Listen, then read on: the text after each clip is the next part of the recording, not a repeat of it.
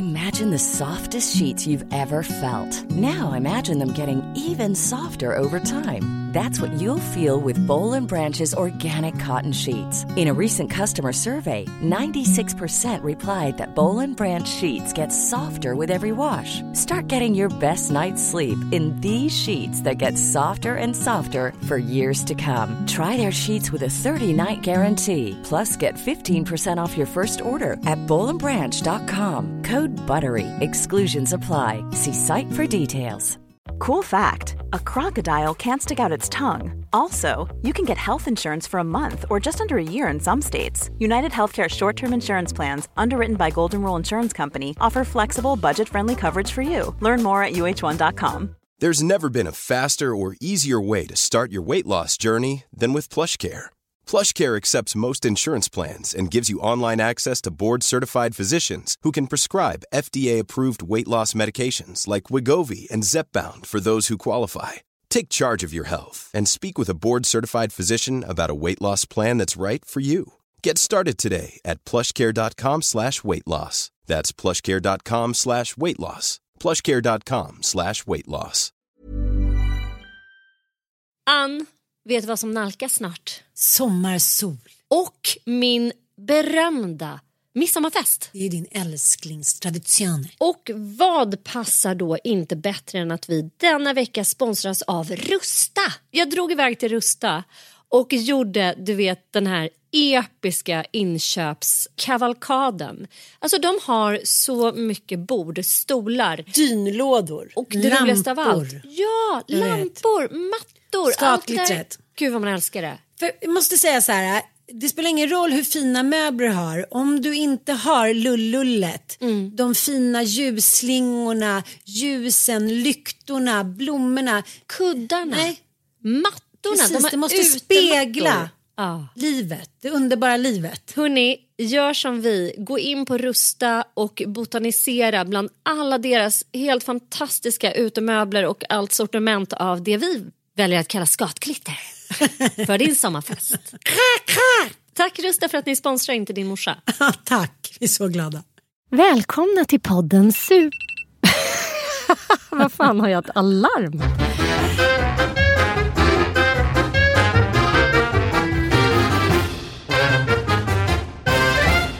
Ann, det är alltså den 22 maj idag när vi spelar in.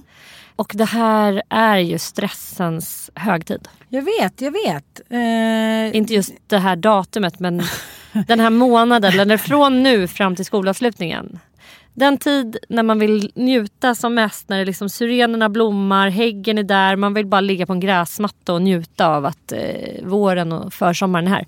Men då ska man så här hetsa som en skållad råtta. Från skolavslutning till sommarfester på förskola till 53 000 olika bjudningar plus att varenda jävel fyller år. Vad är grejen? Är det så att, vilken månad är det vi pippar så jävla mycket? Är det september? Mm, det, vänta. nej, nej, nej, nej. Det är Nej. så här, i augusti, det är så industrisemestern. Nu föds alla de ungarna.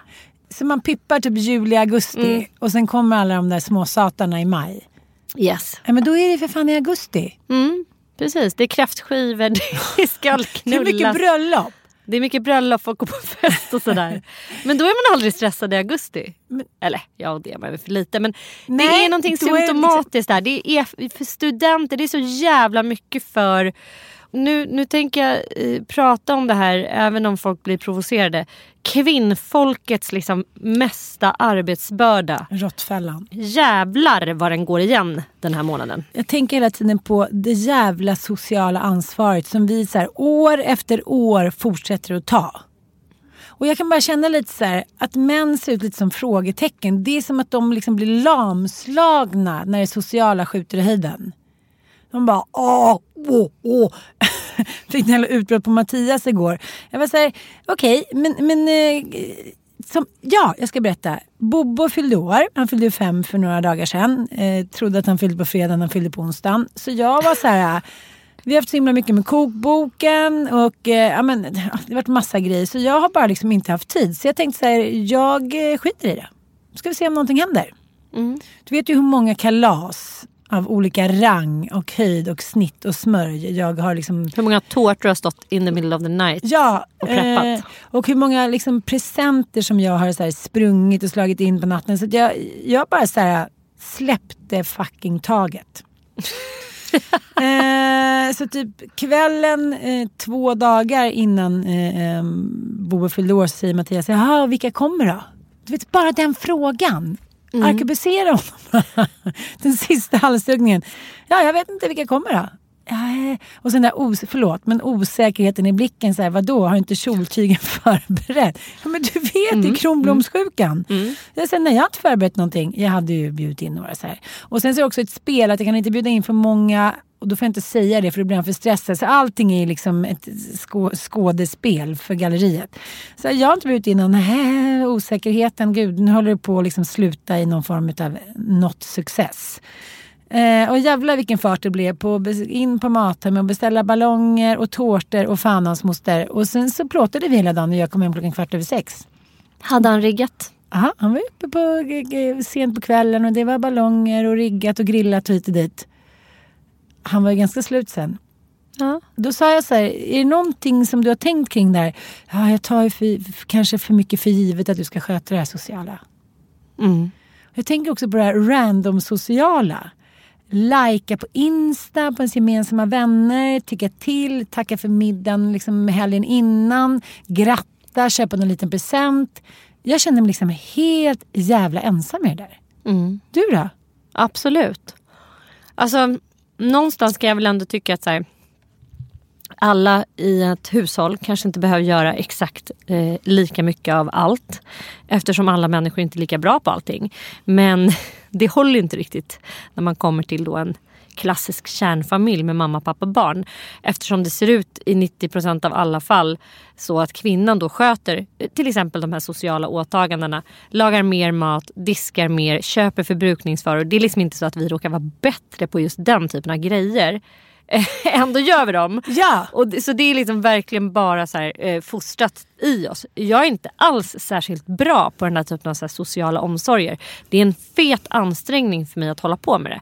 Vissa är ju jättebra på det. Min Men, syrra till exempel. Ja, eller som, så här, som älskar det. Eller så här, en annan typ av så här, kvin- kvinnligt, liksom, vad man ska säga, kvinnligt görande är ju det jag kallar för scrapbooking. Som är så här, folk som är så extrempyssliga. Jag är så dålig på det. Så. Jag, jag vet inte Herregud, det finpysslet. När man hur sitter och, klipper en- nej, men jag har aldrig varit intresserad av pyssel och sånt. Ändå så förväntas ju det eh, av kvinnor Ja. och mammor. Att så här, men det kan väl du pyssla ihop ett, ett litet paket?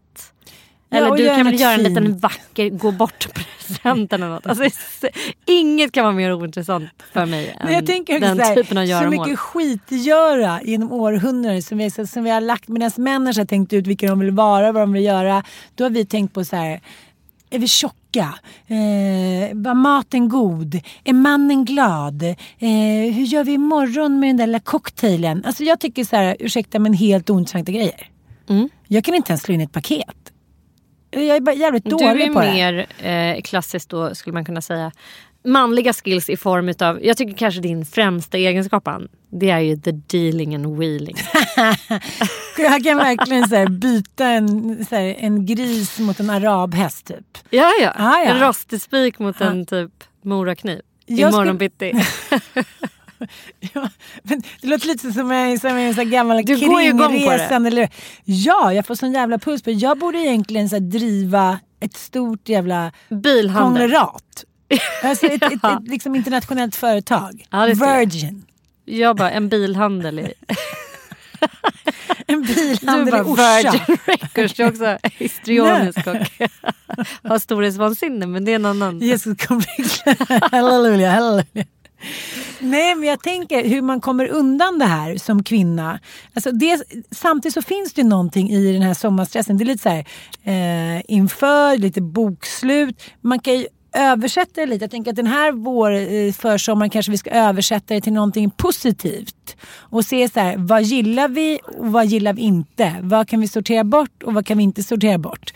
Men jag tänker så här varje morgon jag vaknar. Jag bara okej, okay, ännu ett dagsverke. Vem fyller år idag? Vad jag ska fixa för sociala skills? Eh, behövs det några kläder, presenter, någon resa som ska planeras? Eh, sommarstället? Alltså, men en alltså, grej, det är lite tryck över bröstet. Det är det hela tiden. Och jag tycker också att det är inte bara så att säga familjens så att säga, krav på en att vara den här eh, urmoden. Jag tycker att det är ännu värre när det omgivande samhället eller institutionerna kring oss ålägger oss den rollen. Som till exempel att bara, det bara hörs av sig till mamman Mm. När eh, det vankas typ klassresa, eh, någon jävla insamling till något.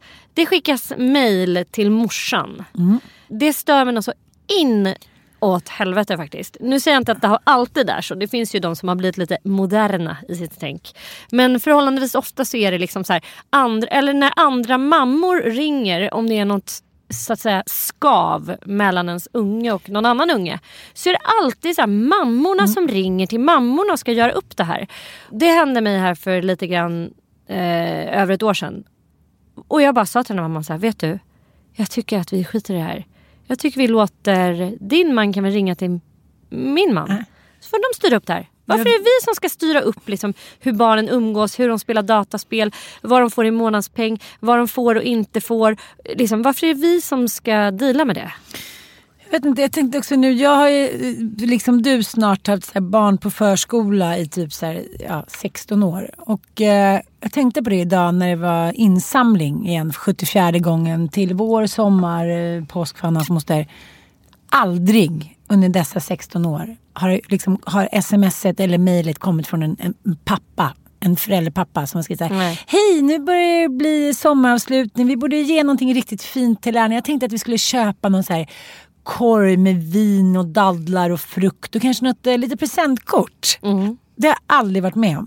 Och det är faktiskt hur ska man komma undan? Liksom, vi är fast i den här geggan på något sätt. Att vi liksom ska ta det här jävla sociala ansvaret. Och vara uppbyggliga och ta hand om våra ungdomar och se till att de liksom gör något roligt på sommaren och har något sommarlov och något sommarjobb och hit och dit. Och jag tänker så här, jag eh, gjorde en, en liten radiogrej med en, med en mycket yngre programledare från SVT häromdagen, jag behöver inte säga hennes namn, och tänkte så här, men kom igen, din man, du är runt 20 och ni har barn så det här är väldigt stor skillnad.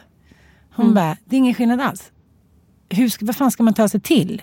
Så då tänker jag så här, okej, okay, eh, jag tänkte att så här, männen lite bakom skulle steppa upp. Mm. Men då tänker jag så här, okej, okay, vad ska vi då göra?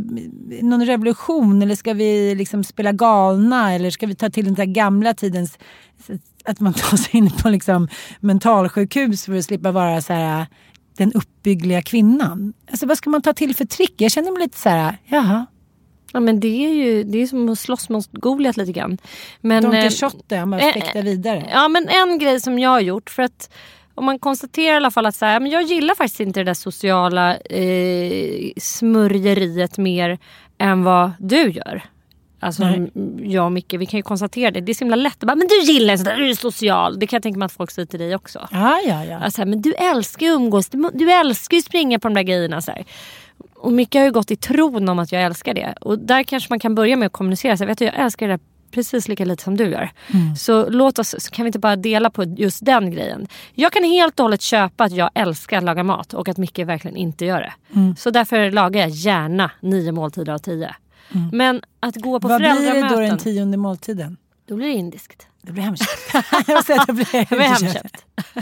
Nej men grejen, föräldramöten, dagis, frukostar och sånt. Jag eh, är inte ett fan av det. Och jag tror att jag avskyr det precis Jag ska inte säga att jag avskyr det men det är, liksom, det är tu, lika tungt för mig att göra det som det är för mycket. Och då eh, kom vi på en liten lösning.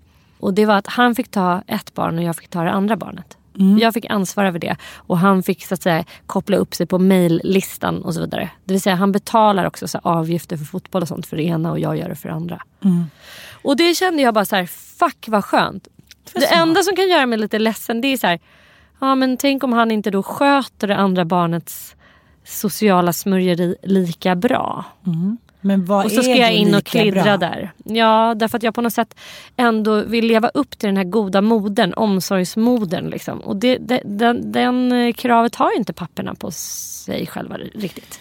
De så- ja. behöver bara prestera hälften i socialt smörjeri och ändå bli sedda som gudar. Mm. Gud, förstår att han så planerade inköp av present till dagisfröken. Alltså, de, de skulle bli så applåderade in i döden. Skulle få ligga typ så mycket.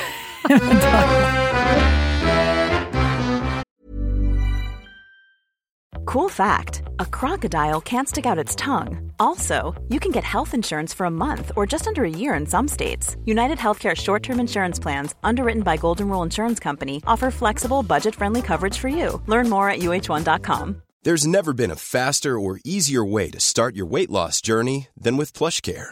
PlushCare accepts most insurance plans and gives you online access to board-certified physicians who can prescribe FDA-approved weight loss medications like Wigovi and Zepbound for those who qualify.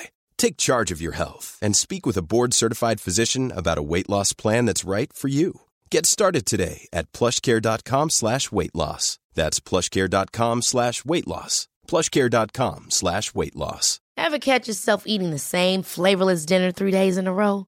Dreaming of something better? Well, HelloFresh is your guilt-free dream come true, baby. It's me, Kiki Palmer. Let's wake up those taste buds with hot, juicy pecan-crusted chicken or garlic butter shrimp scampi. Mm. Hello Fresh. Stop dreaming of all the delicious possibilities and dig in at HelloFresh.com. Let's get this dinner party started. Hi, I'm Daniel, founder of Pretty Litter. Did you know cats tend to hide symptoms of sickness and pain? I learned this the hard way after losing my cat, Gingy. So I created Pretty Litter, a health monitoring litter that helps detect early signs of illness by changing colors, saving you money and potentially your cat's life. Pretty Litter is veterinarian developed, and it's the easiest way to keep tabs on your fur baby's health right at home. Go to prettylitter.com and use code ACAST for 20% off your first order and a free cat toy. Terms and conditions apply. See site for details. Tänk er så vi sitter här och liksom klagar år efter år på tjejmiddag efter tjejmiddag och liksom, ja men vår tids uh, syjunta är bara så här, "Ah, ah, ah." Men jag tänker så här, dels kan man ju så här, sätta sig själv och ta reda på så här, vad tycker jag är härligt och vad tycker jag inte är härligt. Ja, men, se på mig som alltid har så här, fixat presenter och varit på alla skolavslutningar hit och dit. Jag vet ju inte ens liksom, när det är skolavslutning längre. Jag har, så här, jag har insett att så här, med fjärde och femte barnet så är det bara så här, hoppas att man någon gång hittar rätt. alltså jag har liksom sänkt kraven på mig själv. Jag tänker så här, precis som du. Det viktigaste i mitt liv som går före allt, liksom jobb, pengar, man, ligga, resa, självutveckling, det är ju barnen. Och vad vill jag helst? Det är att jag vill vara med dem. Alltså inte med liksom 45 skolföräldrar eller eh, stå och baka till en jävla skolresa dagen efter hit och dit, liksom några chokladbollar. Utan det är att vara med dem. Och eftersom jag har så lite tid med alla fem, då får det där andra på något sätt så här, sopas lite under mattan. Och jag känner faktiskt ingen skuld och skam för det längre. Nej men det är väl kanske det att någon slags slutledningsförmåga har väl du som har gjort att du har kommit fram till att så här, eh, gav det dig någon så här, extra eh, emotionell så här, boost av att eh, vara den där perfekta eh, morsan som kommer på alla möten och sitter i skolråd och sånt. Så här. Svar nej. Nej. Du kanske inte kände dig bättre som människa och du, fick inte, alltså, du blev bara ett stressat djur av det. Eh, och så här, what's in it for you? Du har kommit fram till det att så här, det händer inte så jävla mycket om man inte är så himla duktig på det där. Har du sett nya Sune-filmen? Nej. Eh, det handlar ju mycket om det där att man ska så här, man vill inte vara skolförälder men sen en annan säger som då kan jag vara. Då bara, nej, förresten, då vill jag också vara det. Eh, S- Sisla Ben, eh, hon spelar ju Sunes mamma. Och liksom mycket av filmen går ut på att hon så här, då, vad ska man säga, hönfäktar sig mot en annan mamma. Då. Det ska säga, ja, men, eh, godaste baket, finaste hiten och ditan och fram och tillbaka. Liksom. Eh, där kanske jag aldrig riktigt har varit. Men för mig har det varit en glädje att till exempel varit med i någon tårtävling eller eh, såklart att vara med och ge någonting. Men jag har också... Vi hade ju barn på samma förskola. Ja, De vet. hade ju alltid den här tårt... Alltså, på, på sin stora sommarfest då när de tågade ut med studentmässor. Så det var ju väldigt fint ordnat. Då var det ju så här tårttävling. Mm. Jag bakade inte en enda tårta. Jag bakade en. Men kom för sent Gjorde så jag fick en? inte vara med i tävlingen. The story of my life. Vet att jag träffade hon som drev det. Dag för den förskolan, fantastiska Anna. Ja. Träffade henne nu när du, innan du och jag träffades. Och hon skulle pensionera sig nu. Jag vet, jag hörde det och förskolan ska ju då säljas. Mm. En väldigt, väldigt bra förskola. Men just den där klumpen jag hade i magen, det var un- under mina absolut mest vidriga år med utmattningsdepressionen hängande som ett ok. Det var liksom inte läge att baka tårta då. Så på, på så sätt är jag glad att jag inte gjorde det. Men jag kan ändå säga, varför, varför bakade jag aldrig någon tårta liksom? Men vi kan ju baka, det är ju kul. Men, men grejen är att jag har ju försökt baka med alla bin, mina barn och pyssla så här, Men ingen har varit intresserad. Och precis när jag så här, kastade in handduken och blev så här, en chipsätande morsa som köpte Gorbys typ. Då fick jag Bobovic. Mitt straff eller min bless, jag vet inte. Han vill alltid baka. Alltid pyssla. Alltid hålla på med olika små fixgrejer och göra fint och greja. Så jag är så här, okej, jag liksom har tappat lusten. Jag är liksom klar. Jag vill vara den där morsan som ligger vid poolen och typ smygröker och dricker en cocktail och läser så här Erika Jong. liksom. Jag vet inte. Jag, nej, alltså både och. Men förut med de tre första så hade jag en sån otrolig liksom, energi. Jag förstår att det handlar om ålder också. Men det var som så här, min innersta husmor liksom, gjorde allt för att här, leva upp till förväntningarna. Och hon är liksom, hon är lite så här, ett min, hon är liksom satt på museum och det känns ganska skönt. Men samtidigt så är det så här, nu, nu har jag liksom inte längre något val. För nu har jag så många barn att det, liksom, det går inte att välja. Det är ju hela tiden någonting. Fotbollsmatcher och, och nu har ju alla tre börjat plugga lite mer. Så nu sitter jag liksom två timmar varje kväll. Med, nu har jag börjat med franska. Le ballon. Så att jag bara är så här, okej, låt, jag förstår den här, kanske ska vi återinföra den gamla tidens vilohem. Jag tycker det känns som att hela liksom, överklassens här, fritid gick ut på att åka till Italien på sanatorium, vilohem, mamma var nervsjuk. I'm all in, I'm nervsjuk. Skicka iväg mig bara. Jag ville bara ligga ner i olika så här, viloläger. Men jag kommer ihåg också att det hette hälsohem. Hälsoresan. Att man kunde åka till så här hälsohem i typ... Vad fan hette det? Jag tror min morsa och farsa gjorde det. Mamma skickade iväg honom. skulle man fasta med buljong och sånt där. Och äta råkost. Och så här, jogg. Alltså den här gamla tidens motion också. Så jävla roligt. Så här, morgongympa. Olika stärkande promenader och sånt där i olika parker. Och sen bara råkost. Råkost. Ja, men- Och, och avkok, så här, risavkok och buljonger och sånt där. Och lavemangskannor. ja, men, ja, det vore skönt faktiskt. Och det vore så jäkla skönt om man hade någon som ordinerade den till det. Ja, nu, Nu måste åker du Ja. på nervsjukhem, Ann. Ja. men jag tänkte En på, vad heter den filmen? Ehm, Mitt liv som hund. Har du sett den? Jag vet inte. Mm. En av de första eh, minnena till alltså, första biofilmerna som jag såg. Den och Dirty Dancing. Mm. Men den var ju liksom en svensk blockbuster. Eh, regisserad av eh, Lasse Hallström. Ja. Och den, är ju, den fick till och med en Oscar för bästa utländska film. Helt fantastisk. Men, men då finns det en scen i början där, eh, där mamman hela tiden ligger och vilar. De måste vara tysta för annars får hon utbrott. Och eh, han som spelar den yngsta sonen då, han, eh, han är så nervös, har tics för att hon, man vet aldrig vilket skick hon är i. Så han kan inte dricka mjölk. Kommer du ihåg det? Så att när han ska dricka så sitter hans brorsa och tittar på honom och bara du gör inte, du gör inte, du gör inte. Och så istället för att dricka så kastar han liksom. Jag vet inte vad jag... Vad, Första filmen som eh, gestaltar ett barns eh, sorg. Den är ju helt fantastisk. Och det var ju det som var helt... Eh, Helt fantastiskt också med Dirty Dancing. Så här, första gången så är det en ung flicka, alltså hon är ju, vad kan hon vara, 15-16 år. Som eh, har berättarjaget.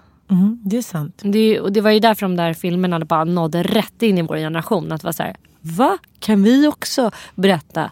Kan vi också få liksom beröra allvarliga ämnen? Ska inte bara så skutta runt och dansa och sjunga. Man mm. tror typ att barn är så små apor som inte gillar tyngd.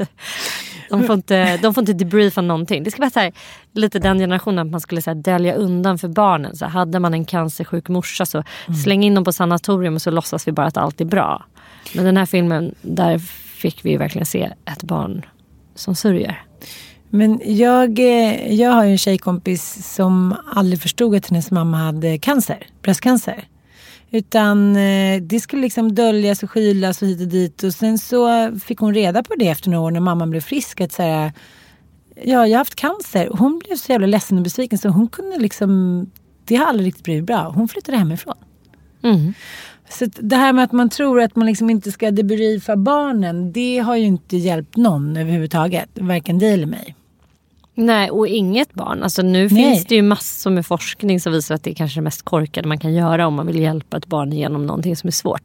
Det är så absurt. Men jag fattar ju att de gjorde liksom sitt bästa och trodde att det här var eh, den bästa metoden. Men det har ju visat sig vara liksom precis tvärtom. Men jag tycker det är så svårt. Jag tycker det liksom pratas för mycket för mycket. Jag tycker det pratas alldeles för lite om barn som mår dåligt fortfarande. Jag läste någon avhandling häromdagen för jag ville bara läsa på lite mer hur man skulle bete sig mot barn som mådde dåligt som lärare. Jag bara halkade över den. Mitt nya, ligga och läsa avhandlingar. Men jag kan känna det själv att, att, att när jag har haft ett barn som mådde dåligt när jag och mitt ex separerade och jag stod för fan handfallen. Mm. Just det där att man tänker att barn ska vara glada, ha livet i sig. Eh, ut och springa i solen, plocka smultron och så bara, nej. Hen vill bara liksom ligga inne i sängen och inte prata med någon och inte gå ut och sen så bara vara destruktiv och utagerande. Mm. Och för mig som en så här Pippi Långstrump-mamma som trodde att så här, med kärlek och presenter och glatt humör kan mor för alla barn glada och i sitt gehör. För mig var det liksom, jag visste inte hur jag skulle hantera det. Jag blev helt chockskadad. Mm. Jag, eh, nej, det var skitsvårt tycker jag. Men det är väl det är väl, tror jag, kanske en förälders, alla föräldrars värsta mardröm. Så är det ju när ens barn mår så dåligt så att de så att säga inte klarar av att hantera vardagen. Alltså det är, som sagt, vi har ju bilderna. Vi, vi vill ju, det, det är det enda vi vill. Att de ska vara glada. Att ja. de ska älska livet. Och de kommer inte alltid att vara det. Och, och det, jag tror att du är liksom inte ensam om det. Jag har haft någon liknande situation med, med ett av mina barn också. Som när min mamma dog gick in i och, och reagerade. Alla barnen reagerade ju självklart på det jävligt starkt. Och liksom det har varit ett skittungt år efter det för alla. Men ett av dem hade det tuffare kan man säga. Med eh, liksom existentiella frågor. Och det där har jag tänkt på så jäkla mycket. Att så här, vi lever ju i ett samhälle som just nu präglas väldigt mycket av så här, biologism. Alltså mm. Vi vill förklara all typ av mående med biologi. Eller med så här, ja men det och det händer i hjärnan då. Och det är diagnoshets, eh, kallar vissa det. Jag tycker det är jättebra med diagnoser och, och, och att liksom psykiatrin eh, har shapat upp eller att folk söker sig dit och att folk som mår dåligt liksom faktiskt tar tag i sin skit. Och självklart kommer det ju, har det ju kemiska orsaker också. Men det jag tycker att vi lever i ett total avsaknad av just nu det är liksom det existentiella samtalet. Eh, var ska ett barn vända sig med tankar på typ döden och livet efter detta och eh, liksom när, när ska jag dö? Alla de här filosofiska frågorna som jag minns som igår. Hela min barndom präglades. Jag, jag tror aldrig jag varit så pragmatisk som jag är nu. Mm. Nu går mitt liv ut på så här, Jaha, vad ska jag äta till middag idag? Har jag mockat till hästarna? Har jag gått ut med hunden? Var ställde jag bilen? Nu ska jag skriva den här texten. När man är barn, det är då man har tid att ligga på sin säng och bara fundera på så här, Ja, vad händer då om den och den skulle dö? Och vad skulle hända med den? Och var tog den där katten vägen? Alltså, kommer inte du ihåg det? Jo! Nej, men alltså den där rädslan för döden eller att någonting skulle hända. Att någon ska bli sjuk, att man själv ska bli sjuk. Men jag kommer ihåg så tydligt när ubåten gick på grund i Öresund. Mm. Och vi satt i bilen och var på väg upp till fjällen. Vi hade en liten stuga uppe i Idre. Och jag kommer ihåg den där ångestkramande svarta känslan som var så här, nu kanske det blir krig. Mm. Och de här liksom, de här ryska, ryska vad ska jag säga, kap, liksom, kaptenen som stod där så här, viftade med en liten flagga och så blir det krig nu, ryssen kommer. Det, vill de ju, det, det ser de ju mycket nu, att nu ryssen ska komma till Gotland. Men, men det, det kan jag ta hand om. Eh, eller när mamma och pappa bråkade eller det här, vad skulle hända när Ska man de dog? skilja sig nu? Ska de skilja sig nu? Och Vad när hända med farfar dog och liksom, äh, det var ju så här det var sån djup ångest och likadant kärleken var också så... Då kommer jag någonsin få en pojkvän. Mm. Jag hade i och för sig kille hela tiden. Eller tjej, alltså det är bra. Det var inget Nej. du någonsin funderade över. Nej, absolut inte. Och jag, och jag tänker lite på när jag sitter ibland på tjejmiddagar och ska prata om så här, ångesten kring så här, tonåren och barndomen. Den är ändå ganska ångestfri. Mm. Och sen så råkade ju du glömma din bok hos mig på Gotland i somras. Nu glömmer jag bort vad den heter. Du bara, den här är så himla bra. Det handlar om en ung tjej som växte upp i Kalifornien. Flickorna. Flickorna. Mm. Så nu så ligger jag, den tog jag med hem från Gotland så nu har jag legat och läst den. Och det finns den där raden i den där boken när hon säger så här. Men vad fan, hon liksom, går upp för henne att hon har bara tänkt på sig. Har hon för små bröst? Är hon för tjock? Är hon hiten och ditan? Är hon tandställning? Är hon för ful? Kommer hon någonsin få ligga hit och dit? Medan snubbarna bara går omkring och tänker på sig. Vad fan ska jag göra i framtiden? Undrar vem jag ska bli? Fan vad skönt. Då ska jag... Fast jag tror fan inte det. Du som ändå har fem pojkar. Jag har liksom i alla fall tre pojkar. Jag tycker väldigt mycket, de så här, när man öppnar upp och börjar prata med dem. eh, Jag, jag tänkte faktiskt på en grej när vi hade varit på det där föredraget med Nina, Rungs. Ja. Att så här, pojkar har liksom extremt mycket mindre ordförråd och, så här, och att man inte pratar med, med pojkar om vissa grejer. Och en enkel grej att så ändra på det, det är faktiskt bara att börja snacka med dem Ja. om saker som typ så hur många barn ska du ha när du blir stor? Hur tänker du dig att du vill bo när du blir stor? Alltså det är så här, pojkar får inte de frågorna. Nej. Alltså så här, har du frågat dina pojkar någon gång så här, hur de tänker sig att de ska bilda familj och sånt? Ja, ja.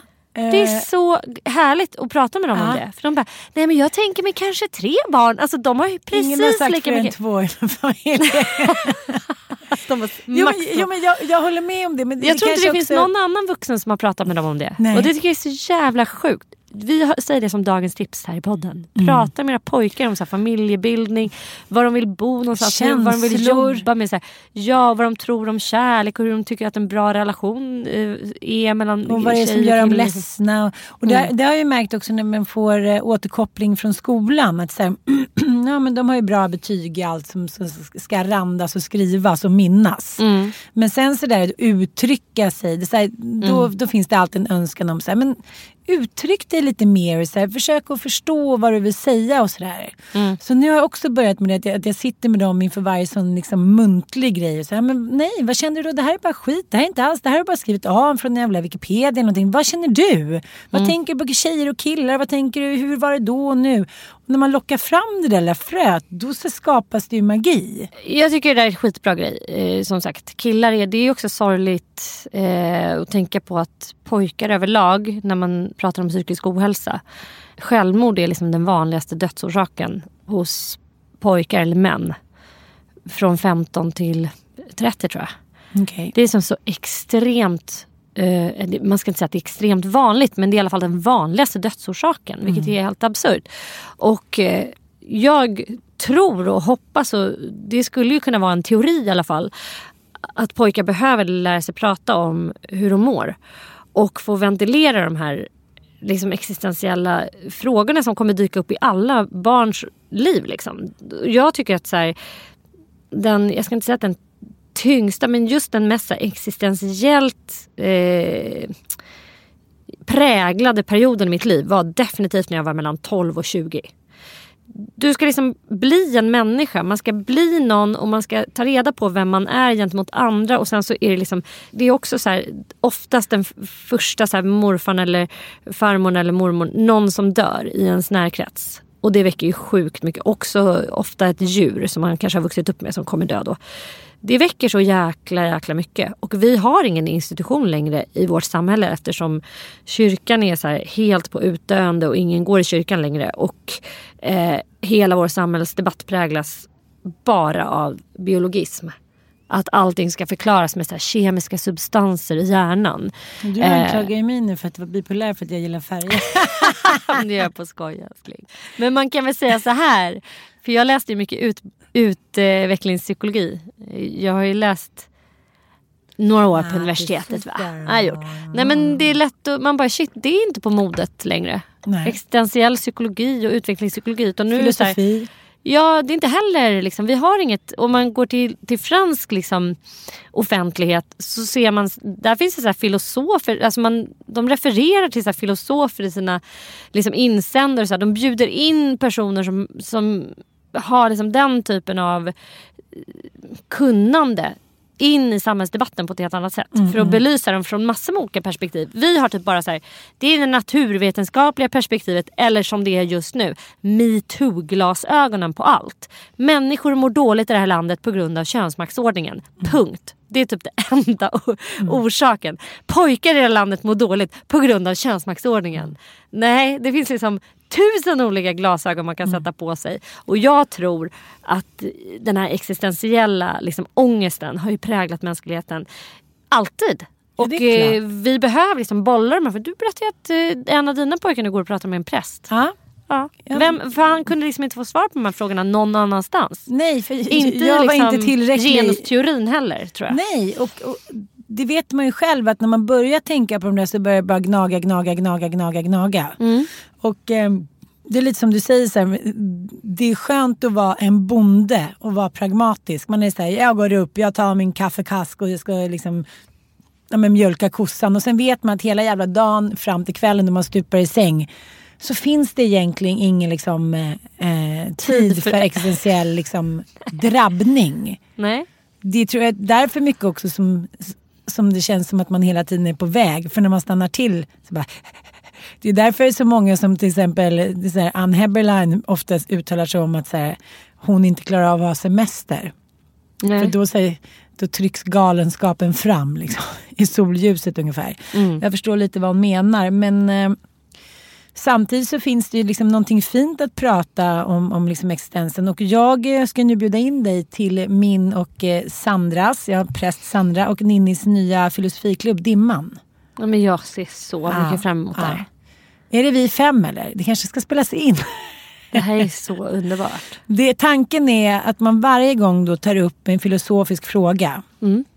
Av skiftande karaktär. Det finns ju många filosofiska frågor. Och sen så eh, dricker man vin till och går in i dimman. Eftersom det aldrig finns något svar.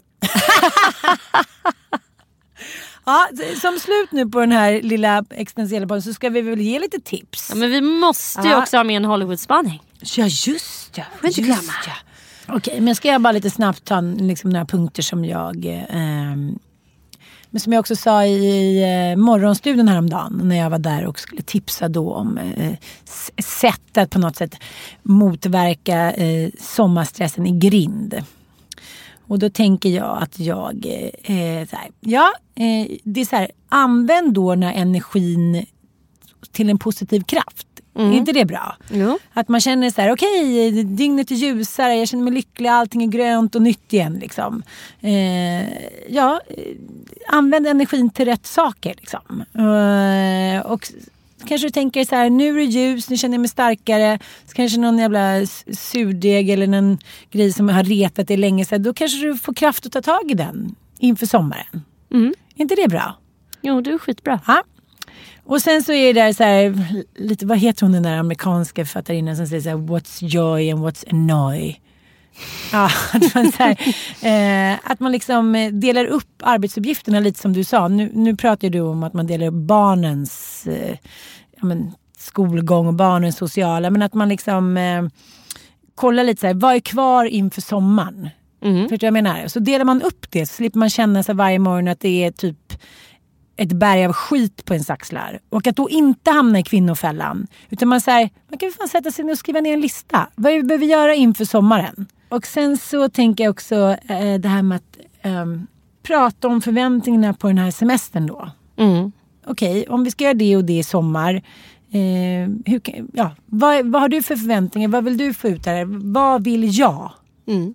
What's me? Så tänker jag ofta att jag går in i semestrar med så här, men gud vad vill alla andra och där kommer svärmor och svärfar och där ska vi ha en- den där festen och då ska vi fixa det. Alltså jag tänker bara hur jag ska göra det göttigt för alla andra. Den här tom- sommaren tänker jag tänka vad är göttigt för mig. Det är någonting också som eh, med sommaren som är den där omöjliga ekvationen att barnen har ju tio veckors sommarlov. Mm. Skolbarnen. När de gick på förskola så hade jag inte alls den här hetsen. Nej. Den är öppen och så bara oj vi stänger två veckor i juli. Man bara fan också då. Det var inte alls det här att man hade ett sommarlov då. Men nu när alla barn i stort sett går i skolan då är det så här, mm, den 9 juni då är det sommarlov och ingen vill gå på fritids vilket innebär att de är hemma och slöar, stökar ner, kräver mat. Ja. Liksom, det är inte så att de är min nioåring liksom kan ställa sig och laga krubb till sig själv. Liksom. Och ändå ingen av mina barn vill gå på någon fritids eller något sånt där. Det Men tycker dina de är barn har ju inte ens straff. varit på ett enda kollo eller sportläger. Nej, nej, de är inte. hemmaråttor. De vill vara hemma, de vill göra mysiga saker varje dag med en. De vill att jag ska sommarlov med dem. Jo men jag har bara så bokat kollo bara här, här är skateläger, kollo, sportscamp, hej seglarläger, hej då. Ja, sådana är inte mina barn. Nej, men Men vet du, jag, tror, jag, har en, jag har faktiskt en tes där. Dina barn är ju varannan veckas barn, i alla fall dina tre stora. Jag har ju ett varannan veckas barn. Hon har ju varit borta halva somrarna från mig. Dels på liksom resor med papper, med kompisar. Eh, ridläger, eh, språkresor. Nu har hon för fan varit i Kenya ett år. Alltså hon har ju, hon har ju liksom, eh, redan knoppats av för mig, från mig samma dag som vi skilde oss. Liksom. Då, då vänjer man ju dem vid att vara borta en vecka från en. Medan mina pojkar som, som jag då inte är skild från pappan med. Han, de är ju helt, mam- alltså vad ska man säga, de är så familjebundna. Men vadå, hur länge har ni bott ihop? Är det tre år nu? Mm. Tror du inte att det handlar mycket om också att innan så, när det var lite rörigt och man inte visste riktigt vad man skulle vara. Nu tycker de det är så himla härligt att ni bor där ute i det stora huset och mamma och pappa är ihop. Tror du inte mer att det handlar om det? Nej, jag tror att det är typen. Alltså då borde det vara jobbigt för då tycker jag Olga borde vilja vara hemma också. Jag tror att de är dels olika typer. Men sen såklart att de... eh, Det är också någon slags här laziness över dem. De är så här, eh, det orkar inte hålla på passa något sånt där liksom. Men jag De tänker, tycker att det ska bli skitkul. Och det måste vi ju ändå avslöja här i podden. vad? Att vi ska åka på vår årliga sommarresa. Ja, Fy vi måste få fan vad revansch härligt. älskling. Ja, nu ska vi. Alltså, vi har ju åkt i, på fyra olika sommarresor med varandra. Ja. Vi har, tagit, vi har ju liksom gjort en skidresa med våra barn i stort sett varje år. Mm. Sen vi lärde känna varandra. Och sen införde vi också sommarresan. Och det gjorde vi därför att vi hade några riktiga pissomrar, alltså vädermässigt. Och bara, nej nu ska vi påbörja sommarlovet med en vecka i sol. Så att man sen inte behöver göra någonting överhuvudtaget. Utan då är man nöjd. Man har liksom pressat sig igenom den där första eh, veckan i medelhavsvärme. Och då kan man slappna av. Så kan man slappna av. Vi har ju haft lite ångest över eh, det här med flygandet. Ja. Eh, det har vi ju. Eh, men därför är det så jäkla, jäkla bra att vi kommer att åka med TUI. Precis. Och TUI, Klimatkompenserar. varenda charterresa. Och det tycker jag så att det ska man göra. Det skulle vara självklart. Ja. 2019 att alla som säljer resor klimatkompenserar för dem. Och att vi får betala lite mer för dem. Men Precis. Det, annars så ska man inte ge sig ut på en resa. Nej, men jag måste också känna så här, gud vad jag har tänkt på det här senaste ett och ett halvt året. Att inte ströåka, att liksom försöka ta tåget, att eh, inte åka iväg så här, två, tre dagar och ta flyget. Bara, och jag har liksom inte f- flugit i Sverige på typ flera år känns det som. Eh, eh, det var ett år sedan jag liksom åkte på en utlandsresa med barnen. Jag vet inte, jag vill inte sluta flyga. Jag vill inte sluta åka på semester och har jag en vecka med mina barn, det är lite svårt att sätta sig faktiskt. För sen ska vi, göra ett, liksom, sen ska vi jobba. Så det här var den veckan vi kunde. Då är det svårt för mig att sätta mig på tåget till Cypern med fem barn. Det handlar också om min självbevarelsedrift, att då skulle jag vara halvdöd när jag kom. Hur fan man än gör så gör man fel. Men, men jag tycker i alla fall att, precis som du säger, jag, jag tänker inte sluta flyga helt. Eller liksom, det har väl inte du heller tänkt? Nej, inte inom den närmsta framtiden och jag emots, fram emot ser ett eh, eh, fossilfritt eh, flygbränsle. Precis. Och det är på gång. Liksom. Och det är bara det att vi i Sverige, jag läste om att Östersund, hela den regionen har ju nu infört det som någon slags så här, krav på Östersunds flygplats. Så de köper alltså in fossilfritt flygbränsle som är skapat av sopor. Men vet du var de får importera ifrån? Nej. Kalifornien. För att det finns inga producenter i närmare än så. Så de skeppar då över, vilket ju liksom är så korkat. Eh, för att det gör ju att de ändå liksom har massa eh, fossilbränsleutsläpp i, mm, eftersom de måste skeppa hit det med stora fartyg över hela jävla Atlanten. Så det, det, men det, det är bara att de sätter någon typ av standard och vill starta efterfrågan. Jag tycker det är så konstigt att det inte är fler som bara, nej men gud det är klart att vi ska ha fossilfritt flygbränsle. Det finns redan. Och, och jag hoppas verkligen att eh, flygindustrin eh, jobbar på att liksom, utveckla både motorer och eh, vad kan det vara, så här, batteridrift för framtiden. Eh, och det är liksom det enda sättet tror jag. Och sen är det självklart att man kan byta ut det man kan mot flyg eller tåg eller att man hyr Ja. en miljöbil. Alltså det finns Ja. ju massa sätt vi kan göra. Men jag tror... Elmoppe. Bra där. Tack ska du ha. Ja, men Ja, superhärligt. men- men det ska också bli lite revansch. Ja det kommer bli en revansch. För att vi har ju haft massor med och alla har varit helt fantastiska utom de senaste. Ja. När du hade panikångest och inte kunde köra bil. Jag fick för mig att vi skulle bo i en liten pittoresk stad. Eh, vi skulle ha lite hjälp eh, men hon... Eh, och en, Din barnvakt barn- bangade i sista sekund. hamnade på... Nej, det var liksom, Vi det, trodde att vi inte skulle behöva bil så vi hade inte hyrt någon bil. Nej, nej. Ja, det var, var, det var såklart mysigt ändå, men det var, så hade vi två extra barn. Nej, nu är det så här... Nu är det liksom det är all inclusive, Bamseklubb. För fan vad göttigt. Äh, det kommer bli så easy peasy känner jag. Och så jävla härligt. Jag ser fram emot det så mycket. Och vi kommer ju såklart podda därifrån. Ja, precis. Det gör så vi. då, då kan vi berätta hur, hur vi har det. Om vi, om vi får lite Uppdaterar lugn och ro med våra nio barn. Det är Bamseklubb. Ja, ja.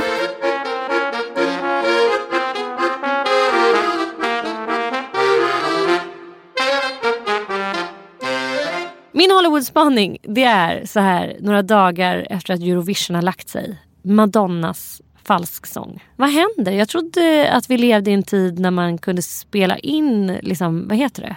Playback. Playback. Men hade hon inte det? Singback till och med. Singback, ja. Vad hände? Jag tror hon bara la någon slags prestigegrej att hon skulle sjunga själv. För det där var baske med ingen Men hon singback. kan ju inte sjunga. Nej men varför kan man inte sätta, alltså herregud det finns väl olika fade-effekter och skit. Eller låta någon annan som kan sjunga. Det här var ju helt sinnessjukt faktiskt. Men du hörde vad hon hade gjort dagen efter på sina egna sociala medier. Nej. Då hade de redigerat det, autotunat det, så då hade hon helt plötsligt en helt annan röst.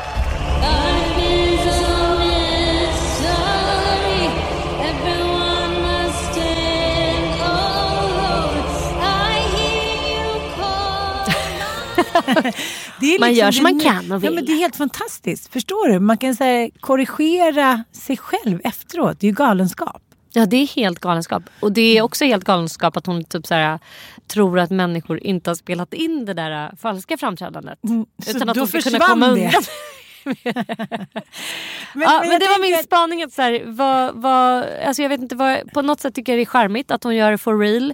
Och en annan grej som jag tycker är riktigt, för jag följer henne slaviskt Mm. på Instagram förstås. Det är att hon bor ju numera i Portugal. Hon, delar, hon är så sjukt frikostig på sitt Instagramkonto. Där hon delar allt ifrån ridturer till när hon går ut på små barer typ själv och lyssnar på så här fadomusik. Tar ett glas och lever livet i då Lissabon. där Lite bor. Ja men verkligen. Och jag bara undrar så här, varför bor hon där? Och det är därför att hennes son David Banda har fått ett så här proffskontrakt med ett portugisiskt fotbollslag. David Banda, jaha. Hennes, Hennes adopterade son. Jaha, är det? Mm. Så hon, hon bor liksom, har, har tagit hela sin familj dit för att supporta honom i sitt fotbollsspelande. Det är en mamma skills. Och sen måste jag säga, min första känsla när jag hörde den där fallsången var så här, men kan hon inte bara, kan hon inte bara så här, få bli ihågkommen för the big fucking star she was. Mm. Nu blir det ändå lite som mormor ut och trallar liksom. Men så tänker jag så här, jaha, men det är väl Mick Jagger också. Jaha, Ja, det var hur- den också så här, lev livet. Det är lite så här, vem fan bryr sig? Hon, liksom, vi är alla döda snart och hon bara levde livet fullt ut så länge hon kunde. Det finns något coolt i det. Det finns så här granny revenge i det på något Mm. sätt. Så att jag, eh, från min första känsla, så här, nej skämskuddigt, tanta Lora stäng in det, typ är så här, you go Madonna. Förstår du vad jag bra. menar? You mother, you star, you superwoman. You porn. You... Vi måste göra en update på din pussy tightening. Jag, du har- jag hinner aldrig pussytajtaren. Men det, det, vi skyller på årstiden. det, det går bra att ligga ändå till den. Men, men jag menar inte så. Men, men eh, Det gör du. ja, det ja. Hörni, vi hörs nästa vecka. Och, när eh, Madonna låg senast? Jag vän. tror inte hon har legat på säkert. Sen hon skilde sig från Guy, Rit- Ja. gay, gay, gay, Guy Ritchie. Guy Ritchie. Men du tror inte hon kör lite så här one night Nej, men jag har en liten teori. De som så att säga porrar sig utseendemässigt mest, det är de som ligger minst. Fan, då måste i de lugnaste tre, vatten. Tre, tre gånger per Du dag. är en riktigt liten... Eh... Tack så mycket. Så jag. ska vi fundera ut vad, vad, vad jag gör. Där hemma på säng, sänghalmen. I sänghalmen. I sänghalmen. Hej då. Puss puss. Hej då.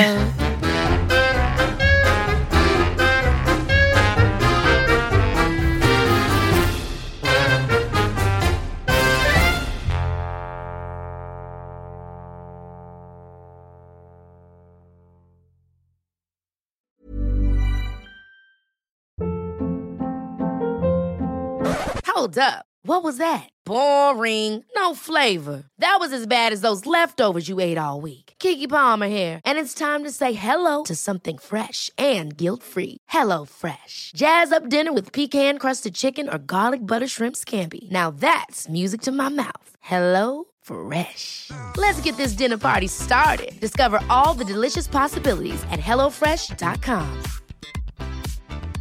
Hi, I'm Daniel, founder of Pretty Litter. Did you know cats tend to hide symptoms of sickness and pain? I learned this the hard way after losing my cat, Gingy. So I created Pretty Litter, a health monitoring litter that helps detect early signs of illness by changing colors, saving you money and potentially your cat's life. Pretty Litter is veterinarian developed, and it's the easiest way to keep tabs on your fur baby's health right at home. Go to prettylitter.com and use code ACAST for 20% off your first order and a free cat toy. Terms and conditions apply. See site for details. Imagine the softest sheets you've ever felt. Now imagine them getting even softer over time. That's what you'll feel with Bowl and Branch's organic cotton sheets. In a recent customer survey, 96% replied that Bowl and Branch sheets get softer with every wash. Start getting your best night's sleep in these sheets that get softer and softer for years to come. Try their sheets with a 30-night guarantee. Plus, get 15% off your first order at bowlandbranch.com. Code BUTTERY. Exclusions apply. See site for details.